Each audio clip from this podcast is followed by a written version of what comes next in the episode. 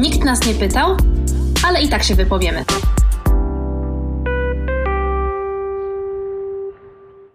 Dzień dobry, dzień dobry, drogie słuchaczki i drodzy słuchacze. Tutaj Kasia. Mam wielką przyjemność i zaszczyt gościć dzisiaj w naszym studio Aleksandrę Skowrońską. Cześć Olu. Cześć. Pokrótce Ole przedstawię i jak Ola będziesz chciała, to jeszcze coś o sobie dopowiesz, dobra? Dobrze. Powiem tak, Ola jest tutaj e, dzisiaj z nami w charakterze ekspertki od internetu. To po pierwsze. Po drugie, Ola pracuje w pawilonie, który jest miejscem bardzo ciekawym na kulturalnej mapie Poznania. I jeżeli ktoś jeszcze nie zna tego miejsca, to czym prędzej powinien nadrobić zaległości? Potwierdzam, zapraszam. I po trzecie, Aleksandra jest też doktorantką. O czym Olu piszesz doktorat? Piszę doktorat o medialnych infrastrukturach i o tym, w jaki sposób są one opisywane, tematyzowane, w jaki sposób y, są tworzone różne kontrstrategie i innego rodzaju projekty z tym związane w praktykach artystycznych szeroko rozumianych. Okej, okay, o tym będziemy też dzisiaj gadać. Też. O infrastrukturach też. Trudne słowo. Bardzo sexy i bardzo ostatnio obecne, tak mi się wydaje, też poza kontekstem medialnym. Mhm. Okej, okay, to ja jeszcze powiem tytułem wstępu, że Aleksandra po prostu mnie zasypała źródłami, artykułami, zdjęciami, książkami i powiem wam, że ta podróż przez ten research była bardzo ciekawa. Po prostu są to naprawdę niesamowicie złożone sprawy i fajnie obserwować, jak gdzieś tam w takich naszych codziennych praktykach korzystania z technologii różnorakich się pewne rzeczy przecinają i się też ujawniają po prostu o świecie i o nas jako o ludziach. I to było dla mnie niesamowite. I żeby tak spróbować zakreślić to nasze pole dzisiejszej rozmowy, to powiem, że oryginalny tytuł w całości naszego dzisiejszego odcinka brzmi Streaming śladu węglowego, anteny w kamuflażu i cable porn. A podtytuł jest o sednie, czyli o materialnym zapleczu mediów. Jeszcze tak zajawiając i wprowadzając, o czym będzie mowa, która ta rozmowa się pewnie potoczy dzisiaj w wielu różnych niespodziewanych kierunkach, ale jakby punktem wyjścia do tych rozważań wydaje mi się jest po prostu zjawisko internetu, bardzo szeroko rozumianego. Przede wszystkim mnie zainteresowało to, jak nasza relacja z internetem się zmieniła podczas pandemii. Dla przykładu, to, że pandemia wybuchła i cały czas trwa, jest też powodem, dla którego w ogóle słuchacie tego podcastu, bo duża część naszego życia w momencie pojawienia się pandemii przeniosła się po prostu do internetu. Przeniosły się tam spotkania towarzyskie, praca nasza, i też duża część uczestnictwa w kulturze. Po prostu instytucje kultury i artyści musieli znaleźć nową formę kontaktu ze swoim odbiorcą. No i fakt faktem, że po prostu streamujemy na potęgę też różne rzeczy w trakcie pandemii. Coraz więcej wkładamy do tego internetu i cały czas praktycznie jest to nasza też jakaś taka jedyna droga do, do komunikowania się ze światem. I gdyby nie internet, to myślę, że nasze życie byłoby w trakcie pandemii dużo bardziej ubogie, smutne i jeszcze bardziej frustrujące. Ale myślę też, że jednocześnie, choć tak jesteśmy w tym internecie zagłębieni, uwikłani w niego, to bardzo rzadko się zastanawiamy nad tym, że on jest w ogóle i czym on jest. Nie? Że internet jest taką rzeczą niewidzialną, trochę magiczną, że po prostu wciskasz play i pewne rzeczy się pojawiają tobie, otwierają się różne światy z każdym nowym oknem przeglądarki, po prostu zaglądasz w inne miejsca. I na czym, jakbyś mogła, Aleksandra, powiedzieć, czym dla ciebie jest ta taka przezroczystość internetu i ta jego niewidzialność? To się objawia dla mnie w dwóch takich obiektach, metaforach. Mhm. To jest metafora chmury mhm. i metafora czarnej skrzynki. Mhm. Może zacznę od tej drugiej. Teraz każda osoba, która słucha tego podcastu, może zrobić szybki ogląd pomieszczenia, w jakim się znajduje, jeżeli znajdujecie się w domu, i zobaczyć, jak wygląda sprzęt nie tylko związany z internetem, po prostu związany z jakąś taką transmisją audiowizualną nawet. To są jakby czarne skrzynki. I mhm. iPhone czy smartfon też do tego paradygmatu czarnych skrzynek się wpisuje, to znaczy urządzeń, które są zamknięte, których wnętrze jest niedostępne dla użytkownika, mhm. których e, zadaniem jest szybko i wygodnie działać. To, że to wnętrze jest niedostępne, a jeżeli jest dostępne, to znaczy, że ten sprzęt jest zepsuty no albo działa w nieodpowiedni sposób, też może być niebezpieczny, jeżeli jakiś przewód wystaje, powoduje, że sprzęt do mediacji audiowizualnych zjawisk, czy to właśnie smartfon, czy komputer, czy nie wiem, wieża, czy głośnik, zostaje zredukowany tylko do pełnienia funkcji. I mhm. jakby nie, nie myślimy o tym, co jest w środku, jak to działa, jakie to ma konsekwencje. Więc mhm. to jest rzecz numer jeden, czyli ten hardware, ten, ten sprzęt, z którego korzystamy na co dzień. A z chmurą jest tak, że to jest bardzo poetycka metafora. Mhm bo jeśli chodzi o chmurę danych, to wyobrażamy sobie to coś jak obłoczek lekkiego, jakby w chmurę można wejść, ale się jej nie czuje. Mhm. Z chmurą też, jeżeli chodzi o dane, nie łączymy się, tylko się synchronizujemy mhm. na przykład. Więc ona ma taką właściwość wszechobecności i tego, że jest zawsze i wszędzie i to tak naprawdę od nas zależy, żeby wejść w nią relację. Mhm. Więc pewnego rodzaju wszechobecność i takie rozciągnięcie, a z drugiej strony takie zamknięcie i niedostępność, to są takie dwie metafory, które funkcjonują bardzo mocno w języku życia codziennego, które sprawiają, że o, o mediach, o internecie, o streamingu wspomnianym nie myślimy w kategoriach tych wnętrzności, mhm. tylko w kategoriach właśnie funkcjonalności, czy tego, co na zewnątrz, tego, co działa, mhm. tego, co to sprawia i tego, jak funkcjonuje.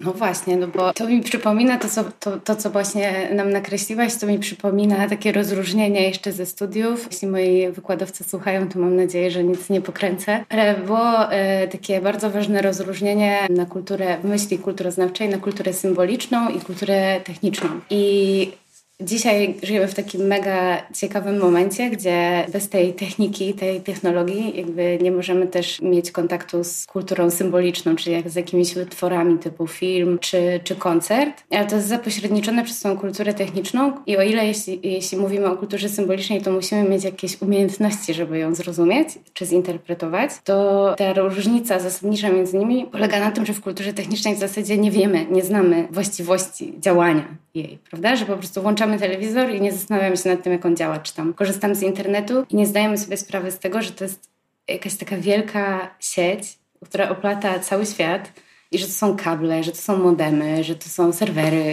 że to wszystko gdzieś fizycznie istnieje. Fizycznie istnieje i ma bardzo fizyczne ograniczenia. Kilka dni temu miał miejsce pożar z jednej z większych serwerowni co ty gadasz? Tak, i wiem, że chyba pismo na chwilę straciło dostęp do magazyn pismo. A, do... tak, tak. Rzeczywiście widziałam e, tak. posta, że o, już nasza strona jest dostępna. Tak, i to było związane właśnie z pożarem serwerowni, jakby tego, że te dane właśnie, te właściwości, materiały, dostęp do sieci został po prostu nadszarpnięty przez najbardziej fizyczne zjawisko, jakim jest ogień, no bo jakby mhm. nie ma chyba zjawiska mhm. bardziej fizycznego niż to. Może powódź mhm. jeszcze mogło zalać. Mhm. Więc takie wydarzenia i też świadomość i chyba edukacja medialna, być może coś takiego funkcjonuje, może nieoficjalnie, ale w formie jakichś może działań oddolnych, czy warsztatów, czy, czy wydarzeń łączących sztukę i technologię, czy taką świadomość, sprawiają, że, że to są wątki, które są coraz bardziej widoczne. Mhm. W ogóle zwrot ku materialności, czy zwrot ku temu, co materialne, ku namacalności mhm. w różnych dziedzinach. Rozmawiałyśmy przed podcastem o, o niewidzialnej pracy na przykład mhm, mhm. kobiet. Więc ten zwrot ku temu, żeby sobie popatrzeć, co się kryje za fasadą, co się kryje za kurtyną, dotyczy różnych zjawisk i no tutaj media nie są jakimś odrębnym, odrębnym tematem, odrębnym polem. Więc... No, ale mówisz chyba o jakiejś takiej sytuacji właśnie badawczej, jakiegoś takiego naukowego namysłu nad tymi zjawiskami, bo taki przeciętny użytkownik internetu, no to po prostu, wiesz,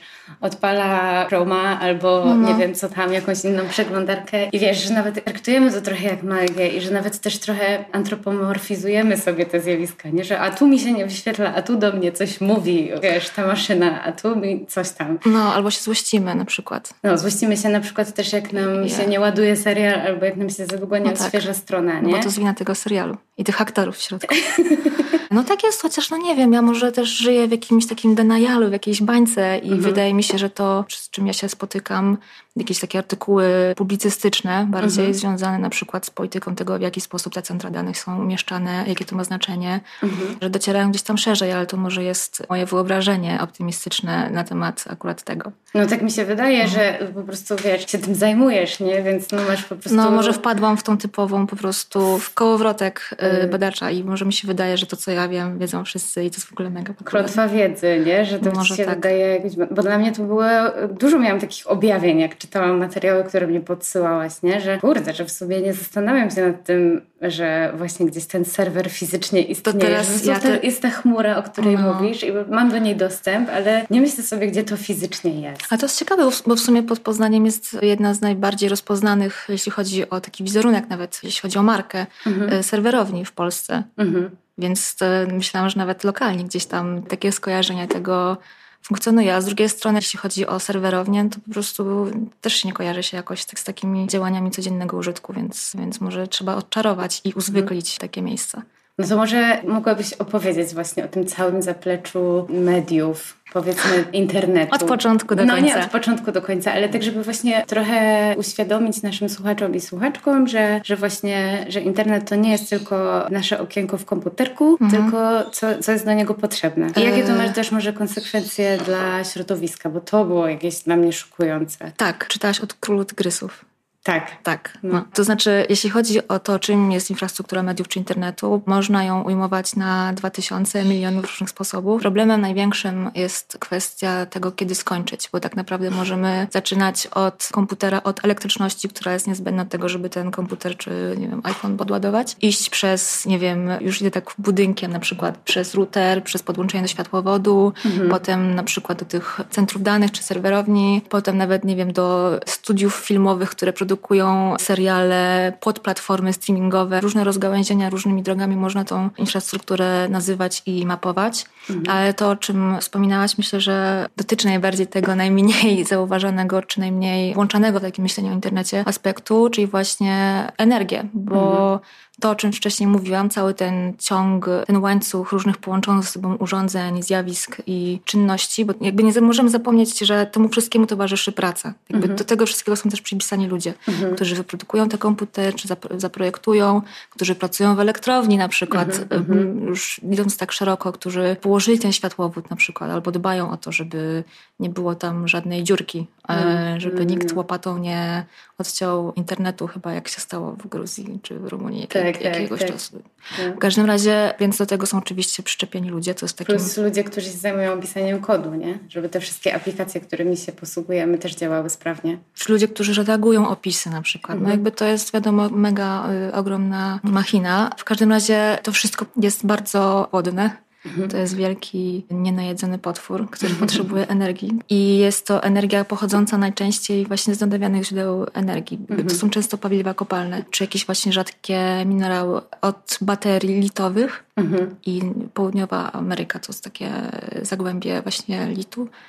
Można sobie zobaczyć, jak te kopalnie pięknie wyglądają na zdjęciach w Chile są, to są piękne, takie geometryczne struktury pośrodku na przykład jakiejś pustyni albo jakichś takich pustynno-podobnych krajobrazów, po po prostu energię elektryczną, która jest niezbędna do chłodzenia urządzeń w centrach danych i to powoduje też między innymi, że często znajdują się one w regionach dość zimnych. Mhm. Gdzieś tam w okolicach Norwegii trwa taki duży projekt Microsoftu, chyba może się już skończył, gdzie te centra danych są umieszczone pod wodą mhm. całkowicie albo częściowo po to, żeby zminimalizować ich zagrzewanie się. Tak, znaczy mhm. Y, koszt dosłowny, ale też związany z ilością energii, niezbędny do tego, żeby cały osprzęt ochłodzić. Mhm. Bo to się po prostu łatwo przegrzewa, cały czas pracuje. Mhm. To, jest, to jest po prostu jak taki potwór z piekła. Mhm. Czyli robimy na przykład research o tym, jak być bardziej eko i jednocześnie już zwiększamy, robimy. Bo też wiesz. można korzystać też w różny sposób bardzo z internetu. Ci badacze, badaczki Laura Marx, mhm. którą ci też podesłałam mhm. i której tekst o królu tygrysów czytałaś. Ona już sformułowała takie nawet postulaty tego, w jaki sposób korzystać z internetu albo z jakichś treści audiowizualnych. To znaczy, mhm. jeśli w ogóle marzy taki świat, gdzie na przykład załączniki, jakby nie wysyłam dużych załączników, to w ogóle też mhm. jest w takiej kulturze powiedzmy biurowej już przyjęte. Albo, że oglądamy to ona, albo taki artysta, badacz, James Bryant, teraz nie pamiętam kto, ktoś z nich wymyślił sobie czarno-białe porno. Bo w ogóle pornografia, jeśli chodzi o mhm. streaming, to jest ogromny sektor i ogromne zjawisko. Mhm. Więc tak to sobie wymyśli. Mhm. Albo... Albo w gorszej jakości. Albo w gorszej jakości. Ale jakby, jeżeli nie ma koloru, jakby, nie wiem, też nie, nie robiłam obliczeń, też nie jestem akurat w tym, akurat w tym nie jestem ekspertką, mhm. ale im mniej jakichś tam zmiennych, więc różnych właściwości, wydaje mi się, że ten materiał może być lżejszy. Jeśli chodzi o nieużywanie internetu, tylko korzystanie właśnie z dóbr kultury, no to jakby promowane jest chodzenie do kina, jeżeli mhm. to jest możliwe oczywiście, mhm. albo korzystanie z mediów analogowych. Winelka można sobie puścić zawsze. Mhm. Poznać muzykę. Albo CD-ki. Albo CD-ki. W ogóle poznać coś, przesłuchać sobie coś kilkukrotnie, Mhm. albo kilkunastokrotnie, żeby na przykład to poznać, bo jakby mhm. ja też dobre kilkanaście lat już nie, nie stosuję tej praktyki jakby przesłuchiwania płyt.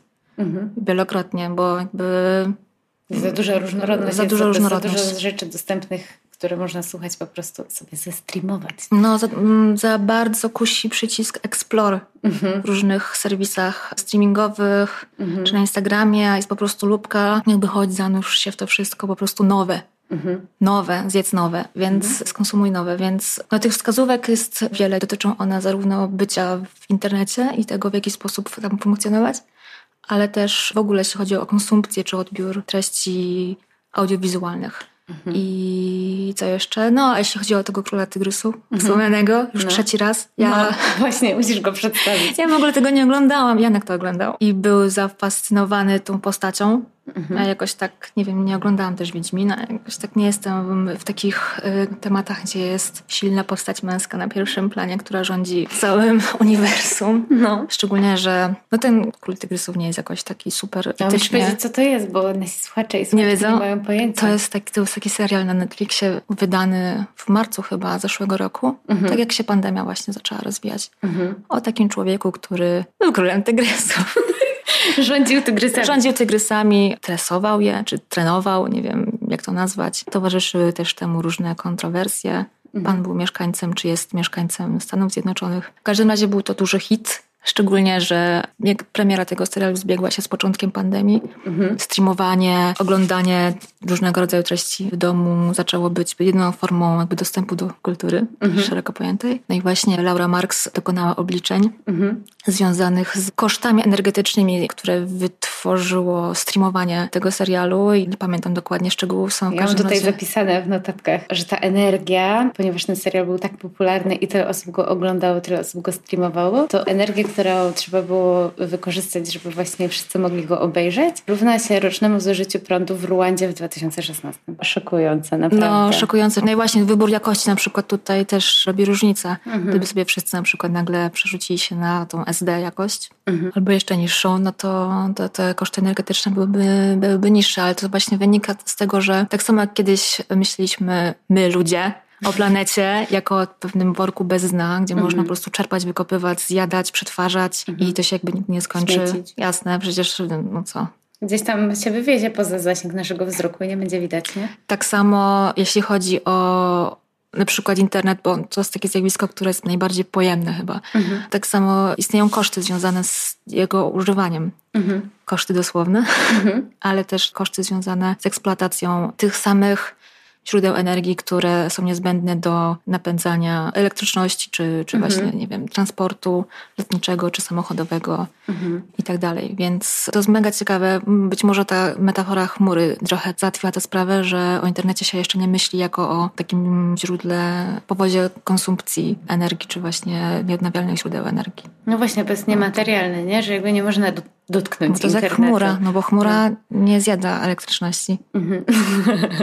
no właśnie. Więc to dla mnie właściwie ta cała rozkmina właśnie, jakie jest to całe zaplecze, bo to się wydaje takie niewinne, nie? Że no tylko tam włączę jakąś muzyczkę, nie? I będzie sobie leciała. I to się wydaje takim nie, taką niewinną czynnością, gdzie jakaś tam świadomość już jest. No, dużo się mówi o tym, że latanie samolotami jest złe dla planety, a tutaj nie myślimy w ogóle o tym, Ile tak mhm. po prostu też w takiej pracy w tle różnych urządzeń jakby zużywamy po prostu tej elektryczności, nie? No, jesteś tym. To znaczy już są też takie materialne, nie, ale cielesne konsekwencje takiego uporczywego, czy nawet natarczywego korzystania, czy przyzwyczajenia do tego, że jakby mnie czy internet cały czas nam towarzyszą. Mhm. Jest ten zespół, teraz pokazuje na kciuk nawet. Wiem, że kciuki się ludziom psują, po mhm, prostu. Jakby mhm. one funkcjonują inaczej od ciągłego używania w specyficzny od sposób.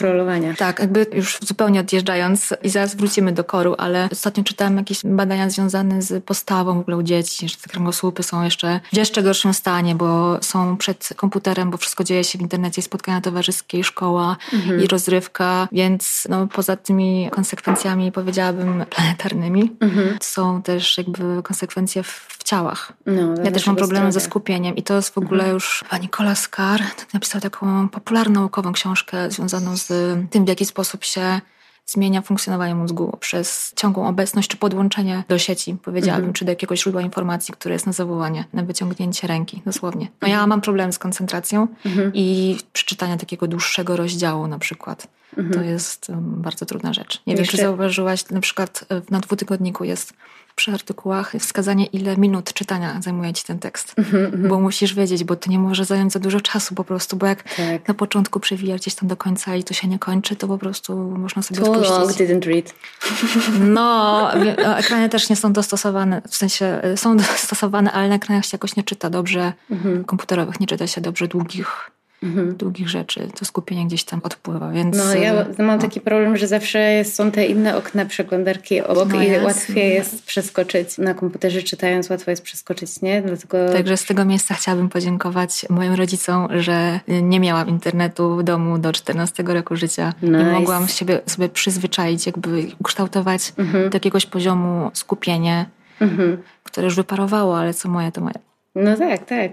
Jest w ogóle taki ruch w Stanach, wait till 16, żeby poczekać, aż dzieciaki skończą 16 lat i dopiero dać im smartfony, nie? No, ja czytałam taką, właściwie to rzeczywiście robimy dużą dygresję, ale myślę, że to jest ważne. Czytałam też taką książkę o detoksie cyfrowym, też coś, co jest coraz bardziej popularne, nie? Że ludzie... Są obozy takie. Tak, są obozy, retreaty, że wyjeżdżasz, że nie masz dostępu do tych mediów i tak dalej. I ta książka proponuje takie rozwiązanie, żeby robić sobie taki szabas. Autorka ma korzenie żydowskie, jakby jest Żydówką, ale taką bardziej kulturową, a nie religijną. No i ona właśnie sobie mm, zaadoptowała tę ideę szabasu i w swojej rodzinie praktykuje to, że, że jest ten jeden dzień, te 24 godziny odcięcia się właśnie od, no nie od prądu, ale od właśnie mediów, takich ruchomych bardzo, nie? No, to jest super. Że można sobie posłuchać radia u nich w domu, czy tam poczytać na Kindlu. No 24 godziny też jak nie sprawdzisz maila albo tych powiadomień, to nic się nie stanie, tak na dobrą sprawę, mhm. nie? Że tylko nam się wydaje, że musimy być ciągle ciągle online i też to, o czym mówiłeś, że to jest na wyciągnięcie ręki, że czasem ja się łapię na tym, że coś muszę zaraz sprawdzić, zgooglować, bo coś tam nie mogę sobie czegoś przypomnieć i też trochę się zwalniamy z takiego,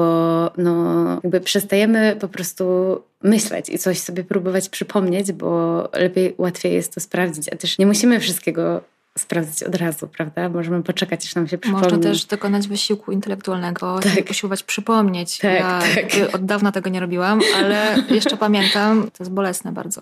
Też mhm. właśnie Kar pisał o tym, że hipokamp... Neurologia jakaś tu Tak, to jakaś no. kognitywistyka, neurologia. Mhm. W każdym razie hipokamp, mhm. część mózgu odpowiadająca, i teraz mam nadzieję, że mówię prawdę, też za pamięć, mhm. u osób, które korzystają na co dzień, nie tyle, że korzystają z internetu, ale to jest jakby jakieś takie bardzo ważne źródło informacji, z którym są na bieżąco i nie kumulują tej wiedzy, jakby nie, nie mają tej praktyki kumulowania mhm. informacji. Mają ten hipokamp tak na mniejszy niż osoby, które takich praktyk nie, nie mhm. nie przeprowadzają, w sensie jakby internet zmienia mózg tak dosłownie.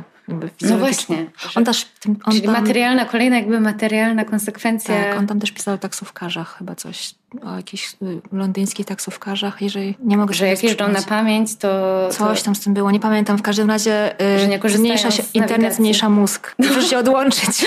Proszę się natymiast odłączyć, przestać słuchać. No, ale w sumie ta dygresja nas zawiodła w ciekawe rejony, bo kolejna przypomniała mi się teoria ze studiów, a mianowicie taka, że media są przedłużeniem naszego ciała. O nie, Marshall. Tak, bardzo stare, ale jest coś w tym, prawda, że jakby są dla nas jakimś przedłużeniem albo mm, jakąś możliwością wejścia na wyższy poziom, tak? Jakikolwiek, tak? Że jakby zwiększamy możliwości swojego mózgu albo swojego wzroku, albo mhm. są też jakby przedłużeniem naszego ciała w pewnym sensie te media. No i to, że właśnie jednocześnie wpływają na nas, nie? I tak bardzo fizycznie, jak powiedziałaś, na, to, na nasze mózgi, na budowę neurologiczną naszych narządów, no ale też kształtują dużo bardziej nasze zachowania, niż my w tym momencie kształtujemy je jako narzędzia. No właśnie, bo Marshall, Marshall McLuhan, mhm. który the medium jest, is the message. Dokładnie, który w latach 60 ukuł kilka zgrabnych powiedzonek, tak. które zostały w języku i w takim potocznym rozumieniu mhm. mediów. Powiedział właśnie o tym, że media są przedłużeniem człowieka, mhm. gdzie tak naprawdę, jeżeli myślimy o tym, że jesteśmy pod wpływem mhm. tego ekosystemu medialnego, to mhm. jest de facto odwrotnie. To znaczy mhm. on przyjął taką antropocentryczną mhm, perspektywę, mm -hmm. to znaczy człowiek jest w środku i wszystko, co wokół jest w takiej hierarchicznie niższej relacji względem człowieka, mm -hmm. a tak naprawdę mm, ten układ może być dużo bardziej zdemokratyzowany, to znaczy być na tej samej płaszczyźnie. Mm -hmm. Albo nawet wręcz odwrotnie, bo jeżeli mamy mniejsze mózgi i ten kciuk nie domaga hmm. i, i mam problemy z koncentracją, to tak naprawdę mm, to ta obecność i korzystanie z ekosystemu medialnego nas bardziej zmienia czy modyfikuje niż Właśnie. my jako pojedynczy użytkownicy. No, na Więc, usprawiedliwienie no. pana McLuhana powiem, że jego teoria to nie wiem, z 50 lat temu? No to są lata chyba 50 albo 60. No to jeszcze więcej. Tak, on jeszcze e, Electronic Superhighway. Media postrzegał, czy taką stworzył metaforę informacyjnej autostrady. Mhm. Że po prostu te informacje tak pędzą z takich metaforek, które mhm. być może ktoś słyszał i jakby nie wie, z czego się wzięły. A jest jeszcze taka anegdota o tym, e, o tym porównaniu, o tym, o tym powiedzeniu medium is the message, czyli mhm. środek przekazu jest przekazem, mhm. co jest czasami trafne jeszcze. Mhm. W każdym razie anegdota czy legenda jest o tym, że McLuhan miał mówić o tym, że medium is the massage. Tak, tak, że to się wzięło z jakiejś tak. literówki? To się wzięło podobno z jakiejś literówki, nie wiem na ile jest w tym prawdy czy nie. W mhm. każdym razie chodziło o tym, że media pewnego rodzaju masują, to znaczy otaczają nas intensywnie swoją obecnością mhm. i, i wpływają na jakąś tam recepcję. Mhm. Dokonują na nas percepcję. masażu. Tak. Y, no i literówka spowodowała, że, że to powiedzenie poszło w świat mhm. według legendy. No, ale to jest właśnie ciekawe, że w zasadzie a, literówka, ale można było łatwo to dostosować. Ale to są rzeczywiście jakieś początki takich teorii związanych z mediami. Też te media wyglądały wtedy zupełnie inaczej niż dzisiaj. No, no. Ale no to może powiedz, jak, jak dzisiaj bardziej, to na czym się dzisiaj skupiają bardziej badaczki, które Ciebie interesują? Między innymi Laura Marx. Bo mi się wydaje, to co chciałabym podkreślić też, mi się wydaje, że one się bardzo mocno inspirują, czy też chcą czerpać z jakiejś takiej myśli feministycznej i z tego, co jeszcze może nie wybrzmiało to w pełni w naszej rozmowie, mhm. ale postulat byłby taki, żeby myśleć o tym świecie, który nas otacza jako takim świecie połączeń, świecie relacji, nie tylko pomiędzy nami ludźmi, ale też pomiędzy nami maszynami, pomiędzy nami sztuczną inteligencją, pomiędzy nami i mediami i też pomiędzy nami a wszystkimi innymi rzeczami, które nie są ludźmi bardzo pięknie ujęte. No jasne, to jakby myślenie o mediach w sposób taki bardziej relacyjny, mhm. powiedziałabym, nie wzięło się z chmury, z powietrza. Rossi Braidotti czy Donna Haraway są takie super gigantki teorii czy myśli intelektualnej. Zwracały uwagę na pewnego rodzaju właśnie połączenia między tym, co ludzkie, a nieludzkie, między tym, co ludzkie, a maszynowe. Jakby cała figura cyborga, mhm. jest taką bardzo feministyczną jakby koncepcją mhm. Y, pewnego myślenia tego o tym, co poza ludzkie, co poza jakoś tak normatywnie ukształtowane. Mhm. Sama technologia też funkcjonuje na przykład w jakichś cyber czy technofeministycznych ruchach. Mhm. Jest być czasami też postrzegana jako, nie wiem, środek wyzwolenia. W każdym razie to są jakieś takie korzenie czy momenty, do których warto się odwołać i przy myśleniu o technologii czy o mediach właśnie w tym materialnym aspekcie warto jakby wrócić też o tym, o czym gdzieś tam wspominałam wcześniej, czyli o tej niematerialności takiej infrastrukturalnej pracy, którą można nawet skojarzyć z pracą w domu kobiet, która mhm. też jakby była pracą jakby niewidzialną czy niedostrzegalną do, mhm. do, jakiegoś momentu. Więc to mhm. są jakieś takie, może nieporównywalne, ale podobne pod względem niezauważalności, a jednocześnie niesamowitej wagi zjawiska. Ja tutaj bym tą, tą linię połączeń stworzyła. One są no. też podobne do siebie te zjawiska, o których mówisz, powiedzmy ta niewidzialna praca wykonywana czy w domu, czy powiedzmy w obsłudze mediów, ona właśnie jest niewidzialna dla nas i ujawnia się dopiero w momencie, jak jest jakiś fuck up, nie? Jak jest jakaś awaria. Tak. Czyli jak kobiety na Islandii postanowiły strajkować, powiedziały wymawiamy służbę w pracy i w domu i nie kiwnęły palcem, to nagle się okazało, że jest ciężko. No tak, czyli to, co jest jakby brane za pewnik, w momencie, kiedy mhm. następuje jakaś zmiana, ta zmiana zazwyczaj polega na tym, że coś nie działa, mhm. dopiero wtedy jest zauważalna, zauważalna tego obecność. Podobno, znowu otwieram kramik z legendami, Mhm. W taki sposób jakby też w Stanach powstała, jakby, czy to było jakieś ważne zjawisko dla kultury, kultury DJ-skiej, jakby awaria mhm. prądu. Mhm. W latach, o, to jest też super ciekawe, to opowiedz tę tak, legendę. w latach... Urban e, Legend. Ale jest źródło, mamy jakiś tam przypis, jak o tym piszę. W każdym razie w latach 70. miało miejsce awaria prądu w Nowym Jorku. Mhm bardzo duża. Spowodowało to między innymi, że sprzęt do odtwarzania winyli, bardzo drogi, został skradziony wielokrotnie w różnych miejscach przez wiele osób. Bo było ciemno i bo można było, było ciemno. rabować. Tak, bo było ciemno i też systemy zabezpieczeń, zakładam, też nie działały, mhm. jeżeli były jakieś. Czyli sprzęt do tej pory niedostępny ze względu na cenę, na niedostępność mhm. ekonomiczną, jakby trafił do osób, które chciały z niego skorzystać i jakby ta kultura symboliczna, o której mhm. mówiłaś, mogła się realizować, mogła się rozwijać przez dostęp do mhm. takich przykładów obiektów kultury technicznej, tak? Mhm. Odwołując się od tego podziału. Czyli jakby awaria prądu sprawiła, że te narzędzia trafiły do osób potrzebujących, mhm. takie nazwi nazwijmy, i spowodowały... Ich eksperymentowanie tak, pewnie, nie? No, chodzi o to, żeby sprzętu się nie da jakby eksperymentować. Jeżeli mhm. mamy do czynienia, mamy dostępną, nie wiem, jeden, dwa, trzy odtwarzacze, mhm. możemy zacząć jakby też robić rzeczy bardziej awangardowe, czy nie mhm. bać się niszczyć jakiegoś sprzętu, czy... Mhm.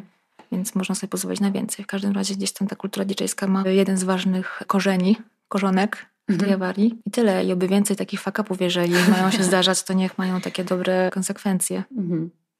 No, ale to jest e, w sumie też e, jakaś taka myśl, która chciałabym, żeby wybrzmiała, nie? że to jest taka cecha też mediów. Jeżeli już próbujemy tutaj kreślić jakieś takie najważniejsze, powiedzmy, postulaty w nowoczesnych badaniach nad mediami, no to jedna rzecz, na którą już wskazałyśmy, to jest ta relacyjność nasza z mediami, z tymi, z tymi urządzeniami i mhm. też w drugą stronę działająca dużo mocniej. Wydaje się, że właśnie one wpływają na nas. Inną rzeczą jest to, że one są niewidzialne, dopóki właśnie się coś nie spieprzy, dopóki nie będzie jakiejś awarii, jakiegoś Twitcha, jakiegoś błędu w kodzie i no, tak, na takim prostym przykładzie, że ej, co jest? Nie działa internet. O, no to zrestartuj router. No, no, chociaż na przykład nawet jeżeli jest to infrastruktura widzialna tak dosłownie, to znaczy tutaj o, szczególnie o antenach, taka obecność, czy widzialność, czy to, że ona jest zauważalna wywołuje czasami, czy tak to jest y, nie wiem, postrzegane, niepokój. Y, są mhm. w Stanach na pewno takie specjalne firmy i Lisa Parks napisała o tym wspaniały esej o antenach przybranych za drzewa. tak, to jest wspaniałe. Albo za gigantyczna kaktusy. Tak. Są takie specjalne firmy, które zadaniem jest concealing, to jest takie korektorowanie, jakby uniewidacznianie, mhm. wtapianie tych elementów infrastruktur medialnych w otoczenie, tak żeby nie były zauważalne, żeby nie dopuścić tej myśli, że żyjemy w takiej bliskiej relacji i być może bardziej intensywnej niż by mhm. Niektórzy chcieli. Więc anteny przybrane za, za palmy, za drzewa, za kaktusy w Polsce często anteny są przebierane albo doczepiane i na przykład malowane na kolor cegły do kościołów. Aha. Bardzo często. Czasami też wynika to po prostu z takiej jakby kalkulacji. Kościół czasami, szczególnie w mniejszych miejscowościach, to jest najwyższy budynek w okolicy, więc mhm. też tak funkcjonalnie najlepiej przyczepić tę antenę właśnie tam, mhm. ale no nierzadko są właśnie one jakby wtapiane w tą fasadę budynku, tak żeby nie... Żeby nie było ich widać. Żeby nie było ich widać. Bo właśnie ich bliskie sąsiedztwo budzi jakiś niepokój, tak? Dlatego się stara je ukryć. No w sumie tak, jeżeli no, ktoś chciałby też. postawić antenę na twojej prywatnej posesji, no to nie byłabyś zadowolona z tego, nie? No jasne, a z drugiej strony znaczy, oczywiście wiąże się z tym moja ukochana anegdota, znaczy anegdota, zjawisko, wydarzenie, czyli cały osprzęt do transferu internetu w koronie Jezusa w Świebodzinie. Mhm. Nie wiem, jest, dziennikarze to odkryli chyba faktu. Chyba widziałam od nich materiał z drona. No. I, I jakby w niedługim czasie, to było chyba trzy lata temu, Mhm. Mm, to wszystko zostało zdemontowane. W każdym razie Jezus miał w koronie internet. To było jakby no, wspaniałe zjawisko i aż żałuję, że, że nie trwa dalej. No bo afera była o to, że pewnie są jakieś profity z tego, że za umieszczenie anteny w koronie było. Chrystusa Coś jest... tam było mętnego. Jakby nikt chyba nie, nie doszedł koniec końców mhm. na, do, do, do prawdy, ale Jezus ze Świebodzina rozdaje internet. Jest taki artykuł w internecie. Polecam. No właśnie, a z drugiej strony jest taka artystka, nazywa się Kubisz Kristina. Ona zajmuje się sztuką dźwięku, mhm. ale i to jest jakby nie jest ściśle powiązane z internetem, bardziej z polem elektromagnetycznym. Mhm. Ma taki projekt spacerów dźwiękowych w specjalnie zaprojektowanych słuchawkach, mhm. które jakby wyczuwają, czy dają znać, przetwarzają sygnał elektromagnetyczny w, w dźwięk. Mhm. I te spacery polegają właśnie na tym, że chodzi z grupą warsztatową, artystka po mieście, po wybranych miastach. Ona jakby zwiedziła już kilka większych i mniejszych miast na świecie i nasłuchują pól elektromagnetycznych, które są tak naprawdę wszędzie. Nie sposób od tego uciec. Tak mhm. jakbyśmy chcieli, tak to jest niemożliwe. Po prostu to jest część jakiegoś ekosystemu, czy dźwiękowego, czy związanego to pole elektromagnetyczne jest wytwarzane właśnie przez urządzenia? Czy... Często, tak. Na przykład mhm. przy bankomacie jakoś tak super piszczy. Ktoś w jakimś takim tekście powarsztatowym pisał, że to skrzyk kapitalizmu. no że tak. te bankomaty tak właśnie krzyczą. Czasami można się podłączyć też pod jakąś pętlę indukcyjną, to jakieś super ciekawostki. W każdym razie to wszystko wydaje dźwięk i jakby żyje, bo mhm. to, że budynki, witryny czy bankomaty są słyszalne sprawia, że jakby można je postrzegać w jakiś sposób jako, jako bardziej żyjące mhm. czy witalne. No to na przykład daje mi do myślenia, jeżeli wiemy, że dajmy na to psy mają lepszy słuch niż my, no to czy one na przykład to słyszą? Nie wiem, nie mam pojęcia, ale może. Co nie? Nie wiem, nie wiem Mogłoby czy... tak być. Jeżeli już myślimy i chcemy myśleć właśnie między innymi za Doną Haraway w kategoriach, o świecie w kategoriach właśnie jakiejś relacyjności i z naciskiem na to, że powinniśmy też w tych relacjach brać pod uwagę more than humans, nie tylko ludzi, no to No, pieski. nie wiem, nie wiem. Nie wiem no to tak pieski. No, no to pieski. Pieski i kotki. Pieski Najlepsi pracownicy. No dobra, czyli co? Jeszcze cable porn. No właśnie, bo to jest tak, że to zjawisko, jakby szukam jakichś materiałów z tym związanych mhm. od kilku miesięcy i po prostu nie potrafię, nie potrafię znaleźć, bo o co chodzi? To jest jeden z takich najciekawszych aspektów tego, co robię próbując mhm. napisać coś, co być może będzie moim doktoratem za jakiś czas. Nie bądź taka skromna. W każdym razie jest takie zjawisko, czy taka fascynacja związana z estetyką przestrzeni infrastrukturalnych, jeśli chodzi mhm. o media właśnie. Czyli na przykład to, że anteny są ukrywane, albo kable są prowadzone w ścianie, albo są specjalne osłony na kable, żeby nie było Słonki, kabli widać. tak. No i jeśli chodzi o o cable porn. To jest taka bardziej egzotyczna, czy może daleka kuzynka food pornu, mhm. jeśli chodzi o fascynację tego, w jaki sposób wygląda, y, jak estetycznie satysfakcjonuje układ kabli. Mhm. Jakby to nie jest stricte zarezerwowane dla infrastruktury medialnej, bo kable można układać w różnych innych sytuacjach. W każdym razie gdzieś tam te zdjęcia czy dokumentacja związana głównie z centrami danych jest umieszczana w tym, w tym kontekście. To znaczy pięknie ułożone w jakichś takich wzorach geometrycznych, uporządkowanych, grube warkocze kabli. kabli kolorowych, żeby mhm. każdy też mógł być łatwo odnaleziony i przyporządkowany w razie awarii. Mhm. No jest to jakieś takie zjawisko estetyczne, które widziałam raz na Transmediale w zeszłym roku. Mhm. Pracę, która była o tym. Była taka praca wideo, nawet nie pamiętam autora. W każdym razie było to po prostu, były to tak naprawdę obrazki z neta. Mhm. Jakieś takim spowolnieniu, dziwny montaż. W każdym razie raz coś takiego widziałam stematyzowanego. Mhm. No i jest moim zadaniem jest to, żeby to jakoś nazwać i, i opisać. To jest moje mhm. wyzwanie. W każdym razie kable mogą być piękne, mhm. mogą dawać satysfakcję. Jeżeli ktoś zajmuje się nie wiem, techniką, ma kontakt z kablami, mhm. to polecam sobie je pokolorować i jakby stworzyć jakąś taką estetycznie satysfakcjonujące zjawisko. A nie jakieś, jakaś plątanina kabli bez ładu i składu. Dokładnie. Mhm. No, jakby porządek może być bardzo dający spokój. Mhm. I właśnie w takim dużym wolumenie, w takim miejscu, gdzie się, które się na tych kablach nieszczęsnych w dużej mierze opiera, można taką sytuację wytworzyć. Taką instalację wręcz kablową. Taką instalację kablową. No i wtedy mhm. to jest taki trochę spin-off, taki odrzut trochę, mhm. jeśli chodzi o infrastrukturę medialną, ale myślę, że jeden z ciekawszych. Mhm. No to też dla osób, które się fascynują, myślę, kablami, nie? Że to jest taka ta część No czasami porn. mam takich kolegów czasami, którzy pokazują mi, jak ładnie coś też ułożyli. Znam. Pozdrawiamy Mikołaja. No, także... Na koniec, bo myślę, że już płyniemy do brzegu, na koniec jeszcze jedną rzecz o internecie, tak ogólnie chciałam podnieść. Czyli powiedzieliśmy już sobie, że internet jest wszechobecny, a jednocześnie niewidoczny. No. I że to dziwne. I warto też powiedzieć, że nie jest neutralny w takim sensie politycznym, w takim sensie, że to, co robimy w internecie, nie jest neutralne i też to, w jaki sposób internet jest nam dostarczany, że jest dostarczany, że nie jest równomiernie rozprowadzony dostęp do tego, nie? No bo nawet jeżeli myślimy... No jest net neutrality, nie? Jakby cały ten ruch y, co to jest? Net neutrality to jest taki no. postulat związany z właśnie równomierną dostępnością, taką mhm. stricte techniczną mhm. jeśli chodzi o przykład prędkość dostępu do czegoś, do użytkowników bez względu na to, w jakim miejscu się znajdują, z jakich urządzeń korzystają. Mhm. Chodzi o to, żeby na przykład jeżeli ktoś korzysta z tańszego sprzętu, żeby do niego jakieś wiem, komunikaty ze strony nie dochodziły wolniej niż do użytkowników mhm. droższego sprzętu. No jakby jest taka teoria, że na przykład maki się rozpychają po sieci.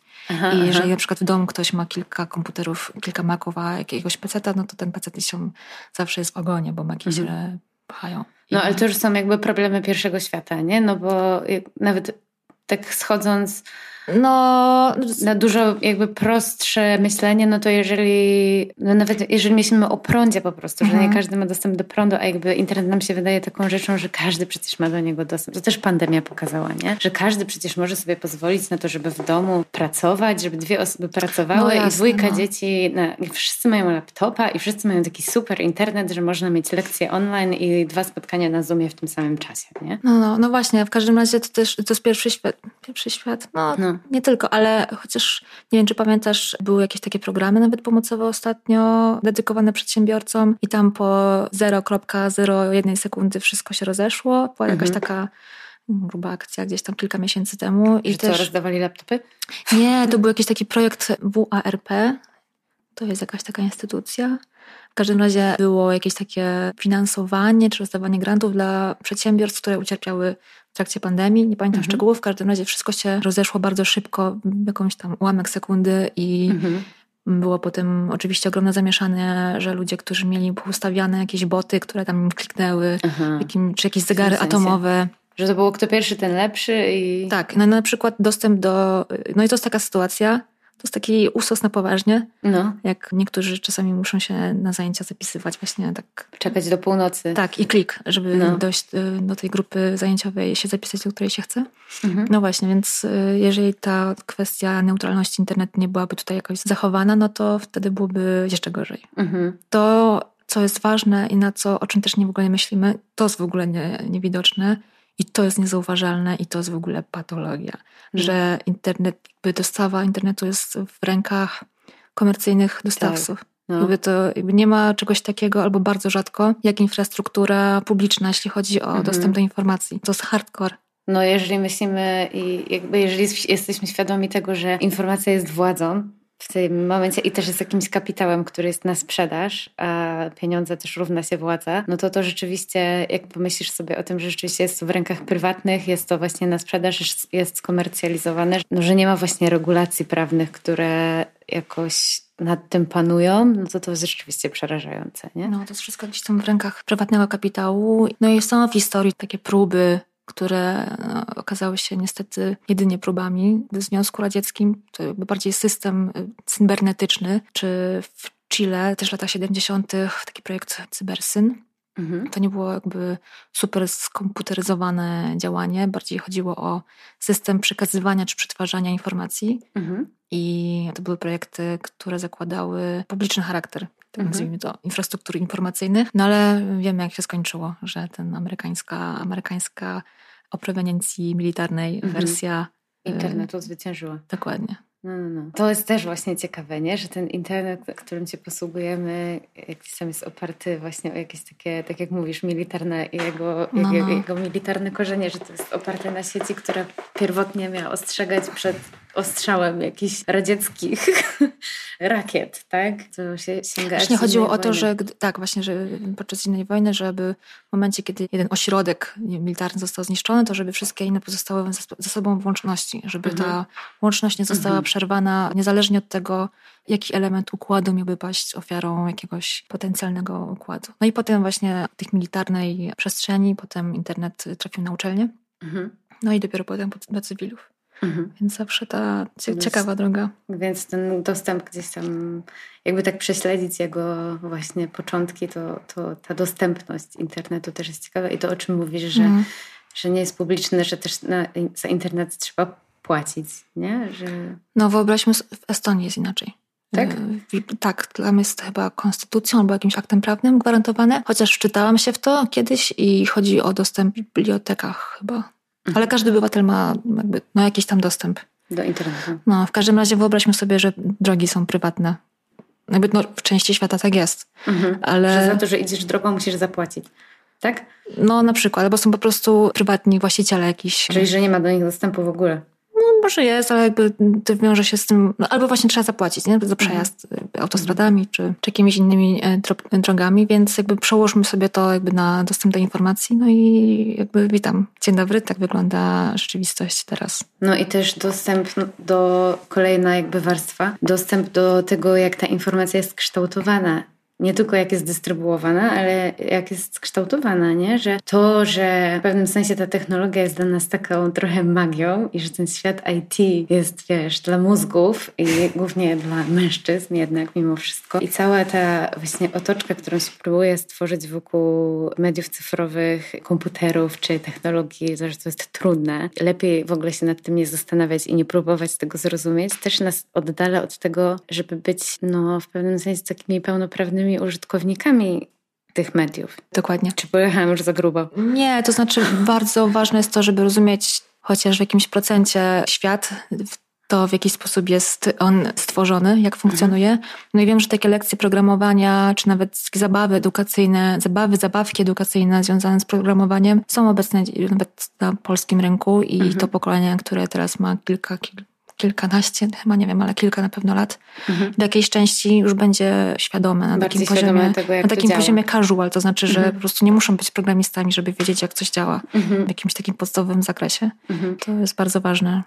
I mhm. na koniec jeszcze chciałam zacytować Annę Adamowicz, którą też serdecznie pozdrawiamy. I Ania powiedziała tak. Bóg ojciec technologii jest białym mężczyzną w średnim wieku, przystojnym neoliberałem mieszkającym w Kalifornii. Any comments?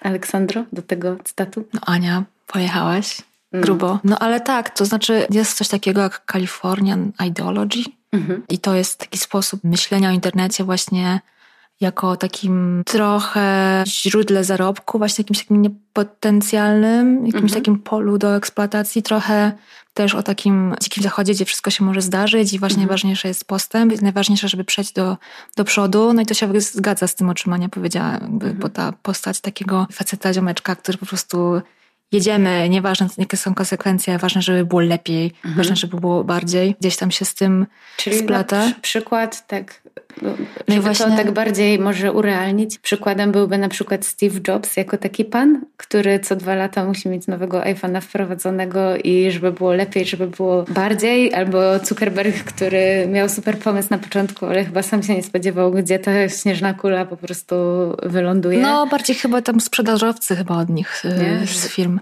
Mhm. W każdym razie no, na straży, czy na taką tamę budują mm, jakby osoby, badaczki, jakieś ruchy oddolne, mhm. bo Laura Marx ma też festiwal właśnie Small File Media Festival, coś mhm. takiego, gdzie jakby celebruje lekkość plików tego, że one nie są, mhm. nie ważą duże, że to nie są mhm. jakieś takie turbo, ciężkie, hi-fi, ultra szczegółowe, niesamowite realizacje, tylko że po prostu uda się w niższej jakości coś zaproponować. Coś ważnego też powiedzieć. Tak, coś, coś artystycznego, coś mhm. audiowizualnego, ale też coś nieobciążającego. I dobrze, że są te dwa, te dwa ruchy mogą się ze sobą jakoś, że jest jakiś kontrapunkt, że jest jakiś kontrgłos.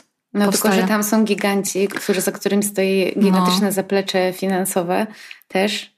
No, a no tutaj pieniądz rodzi pieniądz. Mali artyści. I no i teraz. Badacze z pogranicza, no sorry. No i właśnie ci badacze z pogranicza i badaczki muszą uczestniczyć w podkaścikach, podcastach mhm. i różnych innych miejscach i propagować po prostu to tak, tak, żeby takie myślenie o mediach stało się tak popularne czy powszechne, czy jak na przykład świadomość związana z kryzysem klimatycznym. To to samo zjawisko, tylko objawiające się w, różnym, w różnych polach. Mhm.